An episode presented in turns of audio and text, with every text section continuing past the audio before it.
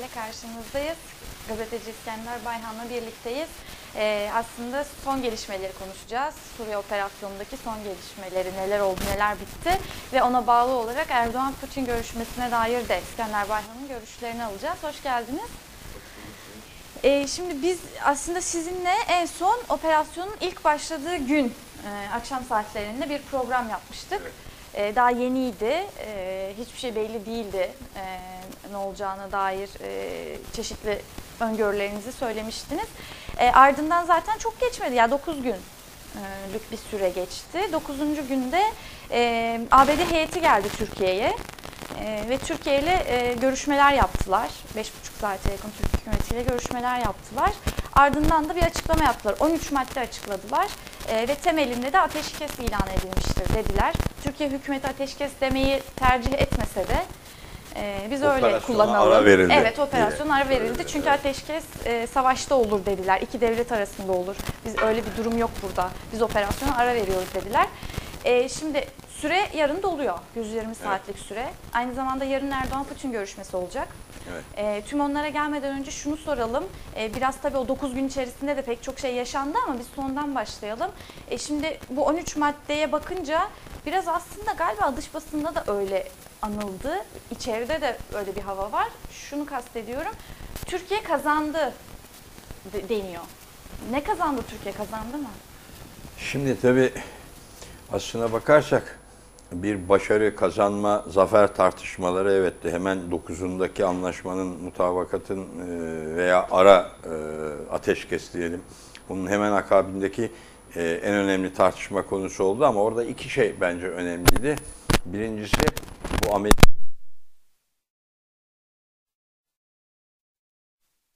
düşmemesi için hemen bir kazanma tartışması yani bu anlaşmayla Türkiye aslına bakarsak söylediklerinin altında kalmış bir duruma düşmesin diye hemen bir zafer kazanma başarı tartışması yapıldı.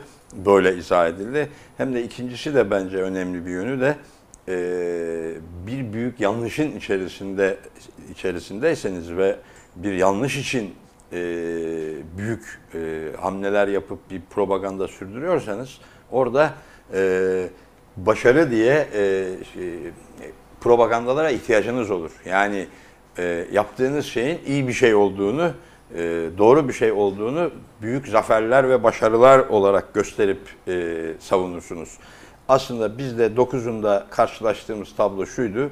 Bu operasyonun başından beri Türkiye'nin Suriye politikasının devamı olarak bir yanlışın devam e, peşi sıra gelen adımlar olduğunu ve Türkiye'nin her adımında da bu operasyonun bunu meşru ve haklı göstermek için sürekli zafer, başarı, kazanım hikayeleri üretmek zorunda olduğunu görmüş olduk.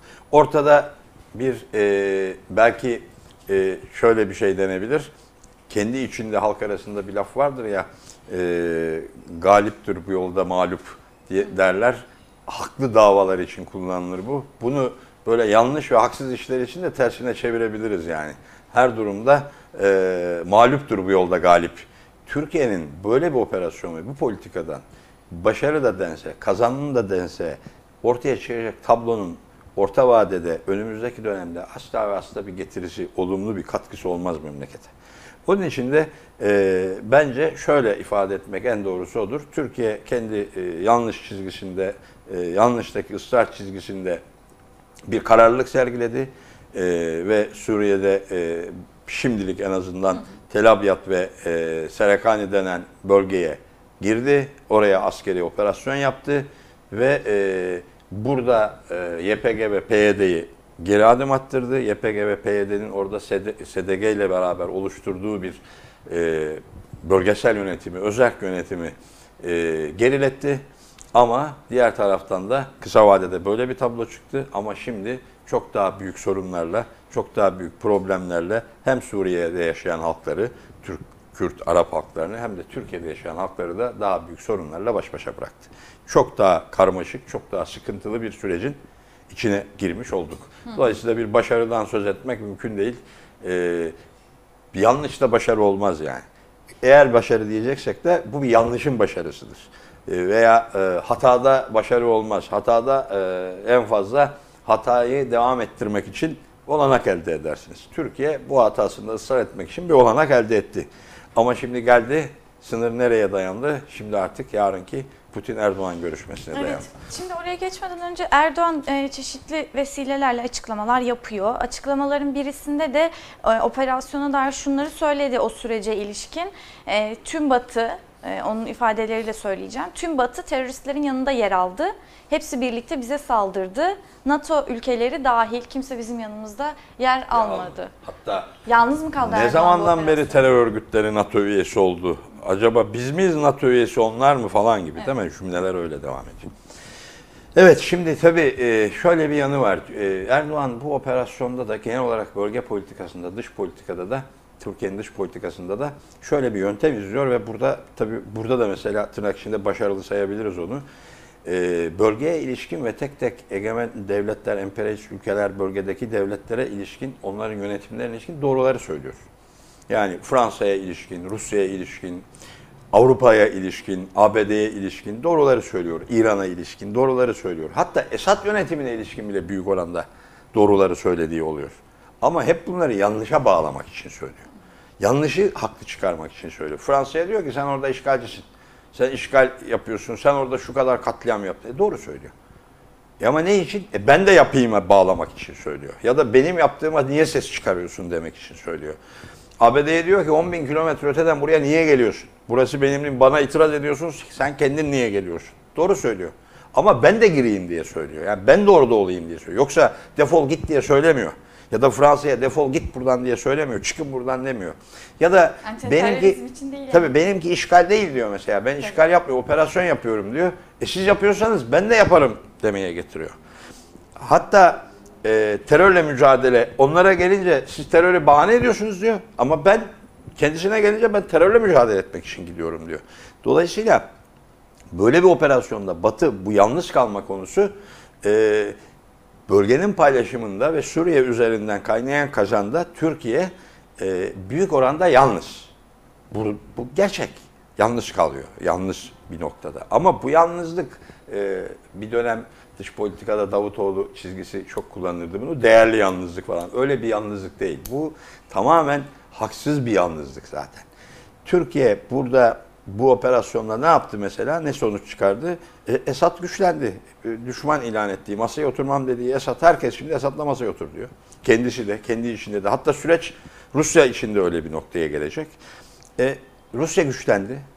E, İran güçlendi böyle bir operasyonla. E, hadi diyelim Türkiye'de de hükümet Erdoğan da içerideki baskılar şu bu bir şey avantaj elde edip bir şey yaptı. Kendisini biraz hadi güçlendirdi. Buradan biraz daha kendine zaman kazandı. Kim kaybetti? E, Kürtler kaybetti, Araplar kaybetti, Türk halkı kaybetti.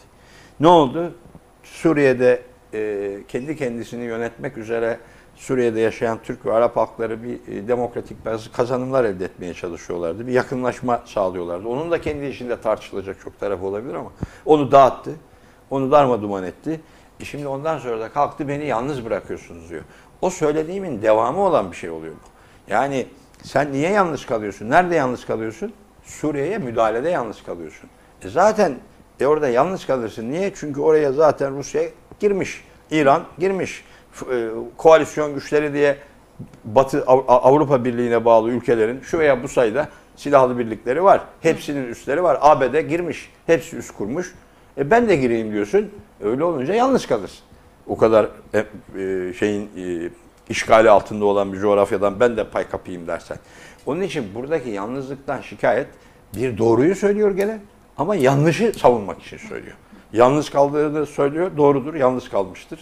Türkiye yalnız bırakılmıştır. Evet doğrudur. Türkiye NATO üyesidir ama NATO üyesi gibi desteklenmemiştir. Sahiplenilmemiştir öyle bakarsak.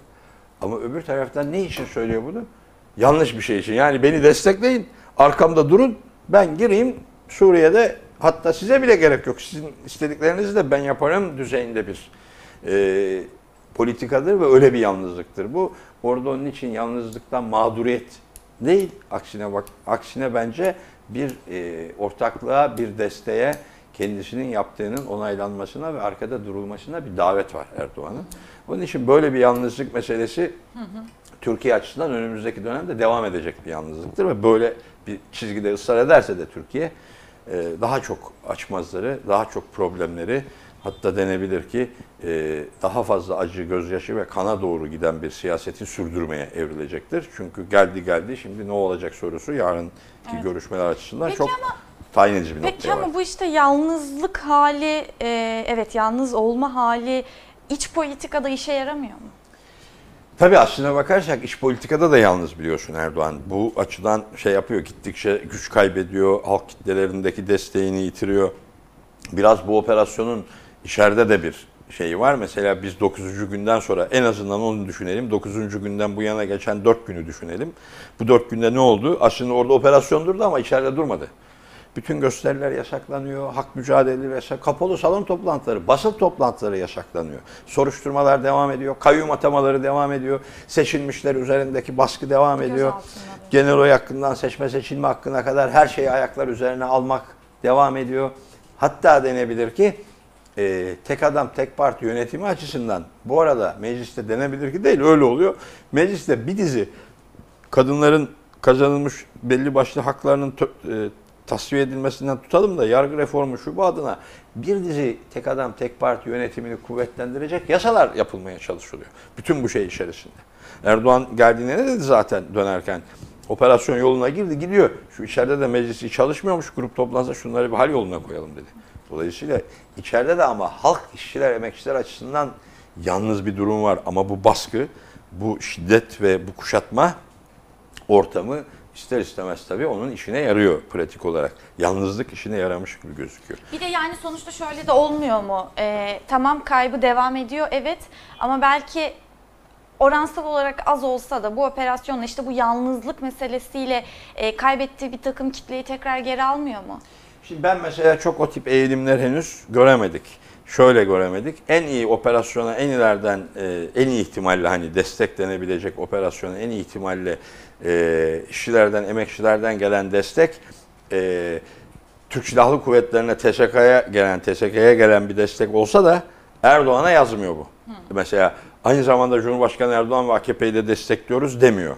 Kendini destekleyen, kendisine oy vermiş işçi ve emekçiler bile krizle birlikte bu işi yaşadıkları için o desteği vermiyorlar. Ama şöyle bir durum olduğu için müthiş bir milli dava baskısıyla yüz yüzeyiz.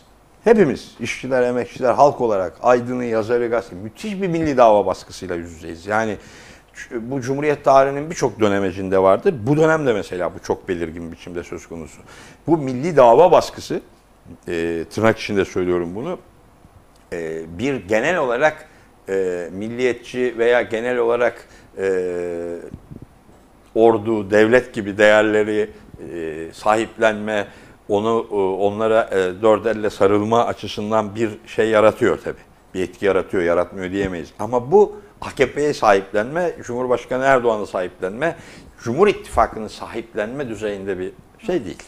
E, sonuç değil, öyle bir yükseliş değil. Aksine ben mesela e, şeyin daha belirgin olduğunu, e, işçiler emekçiler içerisinde zaten son seçimlerde arka arkaya kaybettiği oyları düşündüğümüzde e, sorgulama eğiliminin e, ya böyle böyle nereye kadar eğiliminin daha da arttığını hatta ve hatta biraz iddialı olarak da şunu söyleyebiliriz. E, Afrin dönemini düşündüğümüzde falan daha önceki sınır ötesi harekatları düşündüğümüzde burada o kadar popüler bir halk içerisinde böyle popüler bir destek bile bulamadığını bir e, alkışla bu operasyonun e, karşılanmadığını daha çok kaygıyla, sıkıntıyla ve e, sonuçlarına dair bir e, boşlukla, belirsizliklerle e, karşılandığını, öylesi duygularla karşılandığını görmek gerekir. Bir de şunu görmek gerekir. E, Cumhurbaşkanı Erdoğan bir süredir e, halk kitlelerindeki bu milliyetçi, muhafazakar, e, vatan, millet, devlet diye o, o değerleri çok manevi güçlü e, etkisi olan değerleri siyasette çok fazla kullanıyor zaten. Çünkü kendisi güç kaybettikçe orada bir e, Cumhuriyet'in tarihsel e, şeyi seyri içerisinde bir yüzde 65 yüzde 70 sağ milliyetçi muhafazakar bir potansiyel vardır hep diye kafasında yer ettiği için oraya daha fazla abanıyor yani. Oradan daha çok güç alırım diye. En azından kendim şey olsam da parti olarak çok henüz bir durumu toparlayamasam da oradaki o potansiyeli, halktaki o eğilimi e, siyasetime, iktidarımın devamına bir dayanak yapabilirim diye düşünüyor. Oradan buradan izliyor. Yoksa bu politikalarda ısrar ediyor bir yandan da. Yoksa e, yarın seçim olsa Türkiye'de e, bu operasyon Cumhurbaşkanı Erdoğan'a yazmıştır, oylarını artırmış mıdır, e, arttırmıştır ya da dedirtir mi veya böyle bir sonuç doğurur mu? Burası çok tartışmalı bence. Peki El altından şöyle diyenler bile var mesela gelenlerde kendi taraftarları, üyeleri arasında hatta oy vermiş işçiler, emekçiler içerisinde bile karşılaşıyoruz mesela. Ben bu metal tistleri vesilesiyle biraz daha yakından takip etmeye çalışıyoruz. Evrensel Gazetesi'ne de yansıyor mesela. Ee, şöyle şeyler var tabii yani. Ya sonuçta sırf kendi iktidarını güçlendirmek için, kendi oylarını artırmak için de bu savaşı böyle büyütüyor, bu operasyonları yapıyor ama artık yemezler falan gibi değerlendirmeleri duymak mümkün. Ee, peki içeriye ile devam edelim. Ee, sonra yine dışarı e, çıkacağız. Ama şunu da soralım. Peki muhalefete ne, ne oldu bu arada? Yani tezkereye evet demiş oldu. Desteklemiş oldu aslında operasyonu. Ee, her ne kadar e, eleştirse de özellikle Kemal Kılıçdaroğlu. Ama CHP de kendi tabanından kuvvetli bir destek bulamadı diye görüyoruz. Ee, sonra işte ateşkes oldu. CHP onu da "Na ne oldu şimdi böyle diye eleştirdi. İşte bir mektup geldi Erdoğan'a. Mektubu eleştirdi. Sen dedi ülke itibarını ayaklar altına alıyorsun dedi Erdoğan'a. Ne Trump oldu? Muhalefet muhalefet ne kazandı, ne kaybetti bu süre Terör içerisinde? örgütleriyle masaya oturulmaz, aracı kabul edilmez diyorsun dedi. Sonra geldi Trump, Pence geldi. Ondan sonra da anlaşmayı burada yaptı dedi. Kimin adına oturdu sanki masaya? Kiminle kim e, ara verir? Sen operasyon ara vermiş olabilirsin de sonuçta ateşkesi kimle kim arasında yaptılar dedi.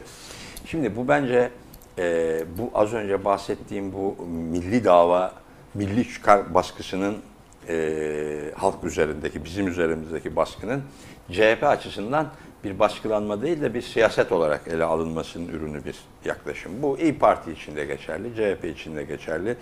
E, genel olarak milliyetçilik söz konusu olduğunda, devlet, vatan, millet de gibi kavramlar söz konusu olduğunda Burjuvazi'nin bütün e, kanatları, en muhalifleri, en demokratları bile son noktada milliyetçiliği pazarda keşfettikleri için, pazar ulusal pazar okulunda okudukları için milliyetçiliğin dersini orada aldıkları için son noktada kendi ülkesinin çıkarı, kendi milletinin çıkarı diye bir soyut tırnak içerisinde asla gerçek anlamda halkın ve milletin çıkarı denen şeyle denk düşmeyecek bir şey keşfederler. Tekçilik keşfederler. Ee, burada CHP ile İyi Parti o açıdan yadırgamıyorum.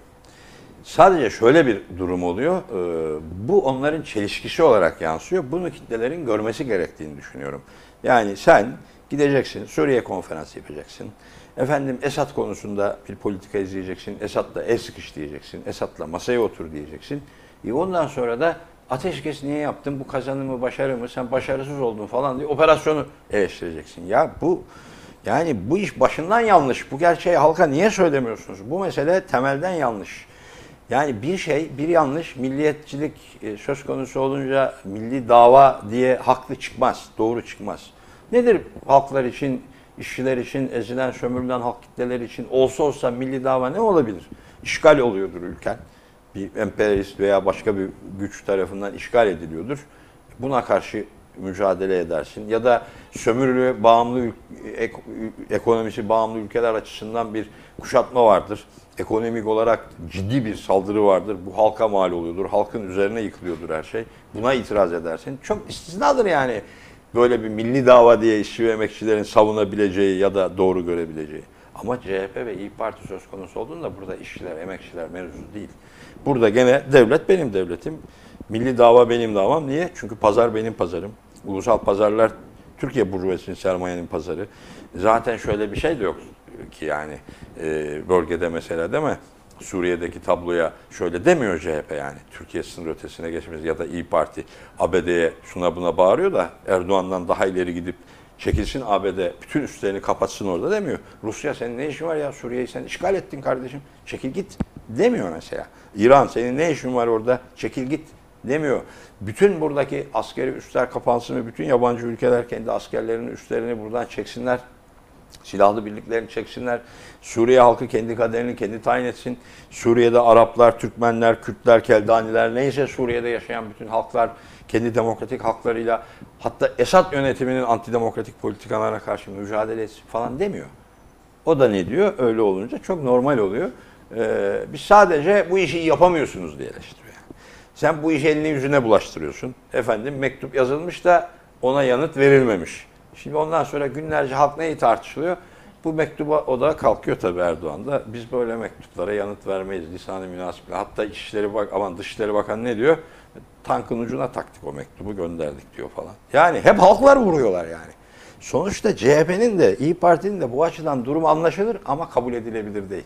Bunu görmesi lazım işçilerin, emekçilerin. Eğer bir şey söylenecekse Türkiye'de dahil, Rusya'da, ABD'de dahil, İran'da dahil bir an önce Suriye'den bütün güçlerini geri çekmeliler. İşit meselesi açısından düşünürsen Suriye'de mesela SGD'nin, Kürtlerin, Arapların oradaki ittifakı IŞİD'e karşı mücadele edecek bir güçlerin olduğunu gösterdi. Hatta Esad hükümetiyle bile oturup bu işi yapabileceklerini, Esad yönetimiyle bile gösterdiler.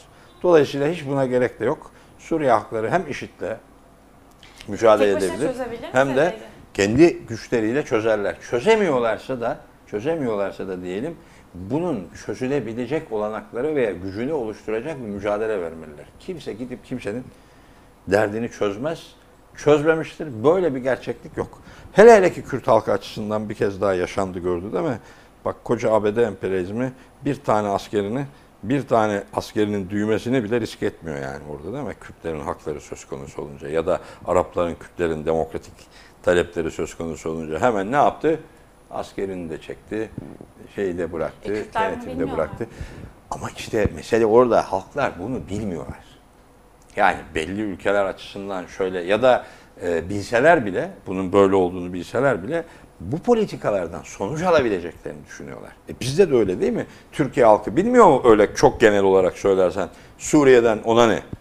Suriye'de kendisi için Suriye'den bir günlük hayatını, yaşamını, çalışma koşullarını, geleceğini iyileştirecek bir şey gelmez. Bilmiyor mu söylesen genel olarak biliyorum der. Ama ne yapıyor? TSK oraya gidince de e, milli dava e, askerin burnu kanamasın, ordunun burnu kanamasın diyor. Çünkü e, bu, bir noktadan sonra artık yanlış nerede başlıyor, doğru nerede başlıyor karıştırmaya başlıyor. Burada da aynı durum oldu. Kürt halkı açısından da öyle oldu. Bölgede yaşayan Kürtler açısından da öyle oldu. Biliyorlardı. Kendileri de ama ne yaptılar? Bu işi kullanırız, oradaki koşulları kullanıp kendimizi güçlendiririz hesabı yaptılar. Ama ortada bir gerçek var ki emperyalistler ve bölgedeki gericiler, onların işbirlikçileri bir paylaşım savaşı yürütüyorlar ve o paylaşım savaşı içerisinde hep altta kalanlar ezilir. En alttakiler ezilir. Çünkü o paylaşım onların ezilmesi, sömürülmesi üzerine kurulu bir paylaşım.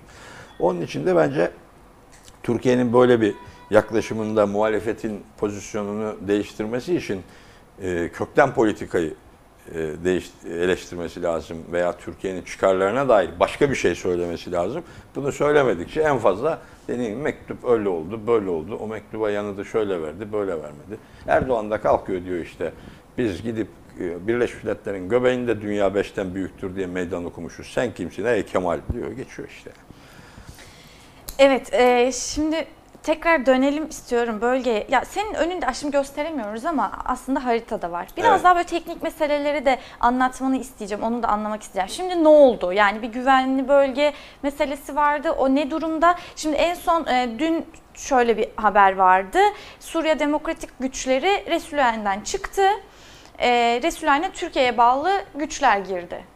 Evet. Mesela bildiğimiz bu. Şimdi kim nereye çekiliyor? Ya yani ya da yarına kadar beklenen olması gereken ne?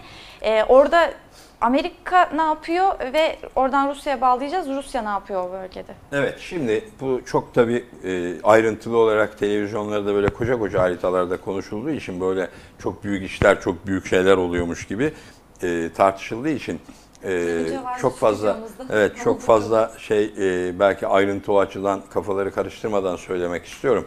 Şimdi Afrin ve İdlib'den sonra Türkiye diyor ki be- 32 kilometre içeriye e, yani Suriye'nin güneyine doğru, Türkiye'nin sınırından aşağıya doğru, Suriye'ye doğru 490-500 kilometre diyelim onu yuvarlayalım. 488 falan deniyor ölçüyorlar. Irak sınırına yani doğuya doğru Hatta biz bir güvenli bölge kuracağız diyor. Bunun için başlattık bu operasyonu dedi. Çünkü burasını terör koridoru olarak telendiriyor. Niye? Buralar büyük oranda e, SGD'nin e, yani e, SDG'nin yani e, Suriye Demokratik Güçleri diye Türklerin, aman Arapların, e, Kürtlerin, kısmen Türkmenlerin ortak olarak oluşturduğu yönetimler aracılığıyla, muhtariyet diyebileceğimiz özel yönetimler aracılığıyla yönetilen bir coğrafyaydı burası. Şimdi burayı dağıtacağım dedi. Şimdi başarıdan bahsedilecekse tırnak için onun için dedim ya. Ama işte mağluptur bu yolda galip başarısı bu yani. Burada Tel Abyad ve e, e, şey bölgesini, e, Resulayn, e, daha doğrusu Serakaniye bölgesini de bir bölgeyi yani 120 kilometre diyorlar orayı. Evet. 105 kilometrelik bir alan sınırda diyorlar. O alana Türkiye Afrin ve İdlib'den sonra alana da girmiş oldu. Yaklaşık 30 kilometrede derinliğine girmiş oldu. Yani e, diyebiliriz ki Kobani'nin ve Minbiç'in sınırlarına dayandı. E, bir kısım köyler oraya ait olmasına rağmen. Ama onun dışındaki bölge şimdi Türkiye istiyor ki oradan batıya doğru Afrin'e, İdlib'e doğru da düzleyeyim orayı. Doğuya doğru da dümdüz Kamışlı falan işte oradan devam edip Irak sınırına kadar düzleyeyim. Şimdi şöyle şey olmuş oldu. Burada PYD'nin oluşturduğu 10 yıllık savaş süreci içerisinde oluşturduğu yönetimlerin bu sınırlı bölgesini, Tel Abyad ve Serekaniye bölgesini dağıtıp kendisi ele geçirmiş oldu, oraya yerleşmiş oldu. Şimdi oradaki Arap aşiretleriyle birlikte orayı ne yapacağını konuşuyor. Vali atıyor, kaymakam atıyor, bir şeyler yapıyor, imam atıyor. Oraları orada şimdi oradaki Arap aşiretleriyle birlikte o Arap aşiretleri de öyle ki dün IŞİD'le anlaştılar. Sonra PYD, YPG ile anlaştılar. Şimdi Türkiye ile anlaşıyorlar. Yani çok geri bir şey de var orada. Artık çok da çaresizlik de var. Çünkü kim daha güçlü geliyorsa onunla teslim olmak durumunda kalıyorlar. Onun dışında kalan bölge ise hemen operasyonun ikinci günü, ya ikinci günün e, bile değildi belki ikinci gün olmamıştı bile 24 saat içerisinde SGD, e, SDG hemen rejimle Rusya aracılığıyla masaya oturtuldu ve oralarda e, rejim bayrakları çekilmeye başlandı. Şimdi Serekaniye bölgesinden e, doğuya doğru, Irak'a doğru bölge ve aşağıya Münbiş ve e, aşağıya doğru e, Kobani'ye doğru olan bölgelerde e, artık PYD güçlü birlikleriyle e, Suriye e, rejim güçleri, Esad'ın güçleri, Rusya destekli güçler sınırları tutar durumda. Oralar şimdi onların elinde. Türkiye'de onun için ne diyor? Burada diyor biz inanmıyoruz diyor Suriye güçlerinin buraları ele geçirdiğini. Aslında diyor sadece bayraklar asıldı ama gene şeyler SGD'nin, e, SDG'nin elinde, yine PYD'nin, PKK'nın elinde. Hala oralar temizlenmedi. Yarın Putin'le onu konuşacağız. Evet. Şimdi tablo burada. Orayı da Erdoğan 344 kilometre diye şimdi tarif etmeye başladı. Yani Tel Abyad ve Serekaniye arasındaki 105 kilometreyi düşüyor. Evet. Orayı almış ya güvenlikli bölge yaptı artık orayı öyle iddia ediyor. Orası artık güvenlikli bölge. Sola do- e, batıya doğru, sol derken ben tabii haritayı karşıma aldığım için düşünüyorum. E, Hatay'a doğru olan kısım açısından diyor ki orayı da götürüp İdlib'le Afrin'le o Birleştirelim. birleştirelim. Sonra da doğuya doğru Irak sınırına doğru da buradan dümdüz devam edelim. Kamışlı'dan e, Irak sınırına kadar 30 kilometre alalım. Burayı diyor şeye kadar aldım Serekani'yi ondan sonrasını Rusya ile konuşacağım diyor. Evet. Putin'le konuşacağım. Yani 344 kilometrenin ne olacağını da Putin'le konuşacağım. İkinci Arada bir şey Münbiç söyle. var işte. Rusya e, Münbiç oraya güneyde, aşağıda Tamam. yani Serekaniye ve Tel Abyad'ın alt tarafına doğru Tamam. Münbiç.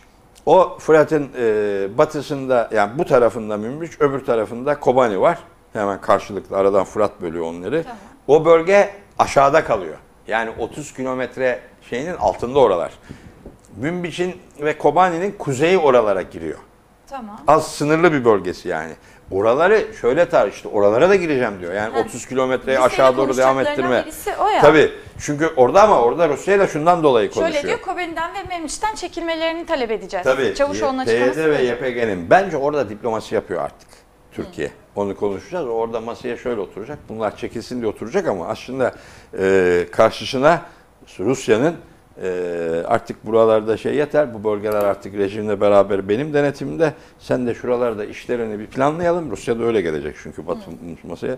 E, artık Serekaniye, o Resulayn, El, Elbap, o bölge aldığın e, diğer Afrin, İdlib oralardaki şeyleri bir konuşalım. Bir an önce oraları toparla da rejim buraları alsın. Şu sınırın hepsini artık rejimde ben hallederim. Sana da gerek kalmaz diye oturacak Putin oraya. Ben şey olacağını düşünmüyorum yani hemen yarından itibaren e, Rusya Putin masada Türkiye'ye boşalt İdlib'i Afrin diyeceğini düşünmüyorum. Aksine Türkiye öyle geliyorsa daha fazla istemek üzere geliyor. E, rutin ya Putin de rutin dur bakalım diyecek. Putin rutin çok uydu. E, ses uyumu açısından yanlış oldu. Putin de hele dur bakalım şimdi. Sen bu hele bir e, Serekaniye'yi aldın, Tel Abyad'a girdin. Orada bir 105 kilometre var. E, İdlib var, Afrin var. Sen oraları da bir şey yap. Üzerine düşen anlaşmıştık da hele şu işitle uğraş. Şu işleri çözelim, şunları halledelim falan. Oraları biz hallederiz diyecek. Oraları bize bırak. Olmamışsa da biz onları çözeriz. Hemen olmaz o işler falan diyecek. Ama Türkiye hayır oralardan da çıksın. Münbiş'ten de oradan da gitsin falan. Buraları işte efendim Kobani'den de sökülüp atılsın falan diyecek ama bu siyasetin öldüğü hatta bu politikanın artık duvara tosladığı nokta 30 kilometre sınırını çizdiğinde oldu zaten. Türkiye Erdoğan bunu iyi bir şey olarak anlattı. Bunun propagandasını yaptı ama bu olabilecek en kötü şeylerden birisiydi. Kısa vadede iyi gözüküyordu ama orta ve uzun vadede en kötü şeylerden birisi. Neden? Neden? Çünkü bunu siz devam ettirmek isterseniz çok kan akar bu coğrafyada. Çok can yakar bu coğrafyada. Burada o zaman İran'la Rusya ile savaşacaksınız. Yani bıraktık onu. Şimdi PYD, YPG, e, Suriye Demokratik Güçleri çekiliyor değil mi? E, o, o kadar şey yapıyorlardı. On binlerce silahlı birliği var falan diye rakamlar açıklıyor. İyi bir şeymiş gibi. 700 terör e, örgütü, dev, aman terör örgütü üyesi şey yapıldı. imha edildi. Bak bir de böyle şeyler. Dil böyle. Ne yapacaksınız ya? Milyonlarca Kürdü, Arabı ne yapacaksınız orada siz? Milyonlarca e, e, Suriye Demokratik Güçlerine destek veren, PYD, YPG'ye destek veren Kürt halkını ne yapacaksınız orada? On binlerce üyesi dediniz. Nerede onlar şimdi? E onlar hep çekil çekil değil. Halep'e mi gidecekler? Ya? Rakka'ya mı gidecekler? Şam'a mı gidecekler? Nereye gidecek bunlar? Yani bu Türkiye'nin aslında 30 kilometre dediği şeyin bir Gerçekten. güvenlik koridoru, şu şu bu şu işi olmadığı, aslına bakarsan bir yanlışı sürdürmekte zaman kazanmaktan başka bir anlamının olmadığı, hatta ABD ile Rusya arasında top çeviriyorum diye topa dönmekten başka bir anlamının olmadığının ifadesiyle o noktaya geldi Türkiye. Şimdi onun için mesafe zaman isteyecek Putin'de bence Erdoğan. Onun pazarını yapacak. Peki ABD ile yaptığı anlaşma ne oluyor? ABD ile yaptığı anlaşmada ABD kendisini e, kabaca şöyle diyebiliriz. Rusya önce bir hamle yapmıştı Ankara zirvesinde. Suriye'de savaş bitmiştir. Sadece Fırat'ın doğusu kalmıştır. Orada da ABD ve Türkiye ve işte SGD'nin durumu var. Onlar halletmesi lazım bu işi diye e, Türkiye'yi pasladı Erdoğan işte top oynuyor Rusya ile ABD'nin çelişkilerinden yararlanın diyor ya çok büyük dış politika izliyoruz diyor ya. İşte o çelişkiler içerisinde top gibi attı Amerika'ya. Trump'ın kucağına. Trump da topu şey yaptı, oldu olmadı derken geçen bir tweet atmış ya, çocuk gibi kavga ettiler ama çok büyük kavga ettiler sonra barıştırdım falan diye. Sonra kendisi çekildi kenara. Ondan sonra geri şey yaptı. Tamam burası ben karışmıyorum aldım da. PYD'de ateş eden o da çekiliyor. Geri yerine git Trump'la konuş dedi. Aman Putin'le Putin'le konuş konuş dedi. dedi. Tabii zaten Pence de geldi öyle söyledi. E, Gerisini gidin Putin'le hadi konuşun bakalım. Ee, Peki şimdi, yarın Putin- göreceğiz ama. Putin'le de konuşmak Trump'la konuşmaya benzemiyor tabii yani. Ee, şimdi Rusya masasından nasıl kalkabilecek Türkiye? Ya az önce söylediklerine ek olarak. Kısa vade açısından Evet. başarı diye bize propaganda edilecek şey şimdi altını çizerek söyleyelim. Noktayı da belki öyle koyalım. Yarın Soçi'de görüşülecek ve Türkiye dediklerini aldı denecek. Bak kesin çok iyi oldu denecek. Türkiye çok iyi pazarlık yaptı olacak. Erdoğan bir kez daha çok büyük bir diplomasi ustalığı sergiledi olacak. Ama ortaya çıkacak tablo az önce dediğim tablodur. Putin diyecek ki hele bir dur bakalım. Sen de tamam oralarda bir şey yap. Sonra zaten buraların sınırlarının kontrolü falan bunlar. Zaten hepimiz Suriye'nin toprak birliğini, bütünlüğünü savunuyoruz. Dolayısıyla Türkiye'nin aman Suriye'nin toprak bir bütünlüğü ve Türkiye'nin sınır güvenliği en iyi rejim tarafından sağlanır. Gel sen de siyaset yapalım Suriye'nin geleceğine ilişkin siyasi pazarlıklar sen de konuş masada diyecek. Ama bir süre sonra ben PYD ile Suriye Demokratik Güçleri ile YPG ile içeride sorununu çözüp anlaşmasını ve mutabakatını Esad'la birlikte netleştirdiği andan itibaren hadi yavaş yavaş hadi yavaş yavaş geriye doğru bakayım. Hadi sen yavaş yavaş kendi topraklarına doğru git bakalım diyecek. Bunun çerçevesini oluşturacak yarın toplantıda. Ama bize bu büyük zafer olarak propaganda edilecek. Evet. Tablo budur yani. Evet. Çok teşekkür ediyoruz değerlendirmeleriniz için. Kolay gelsin. Ee, o zaman yine konuşacağız. Evet konuşacağız. Yarın Ee, ne yarınki olur görüşmeden sonraki sonra da sonraki Evet. gelişmeleri de toparlayıp bir daha üstünden Tekrar geçeceğiz o zaman. Teşekkür ederiz. Evet Gündem Özel'in bugünlük sonuna geldik. Görüşmek üzere.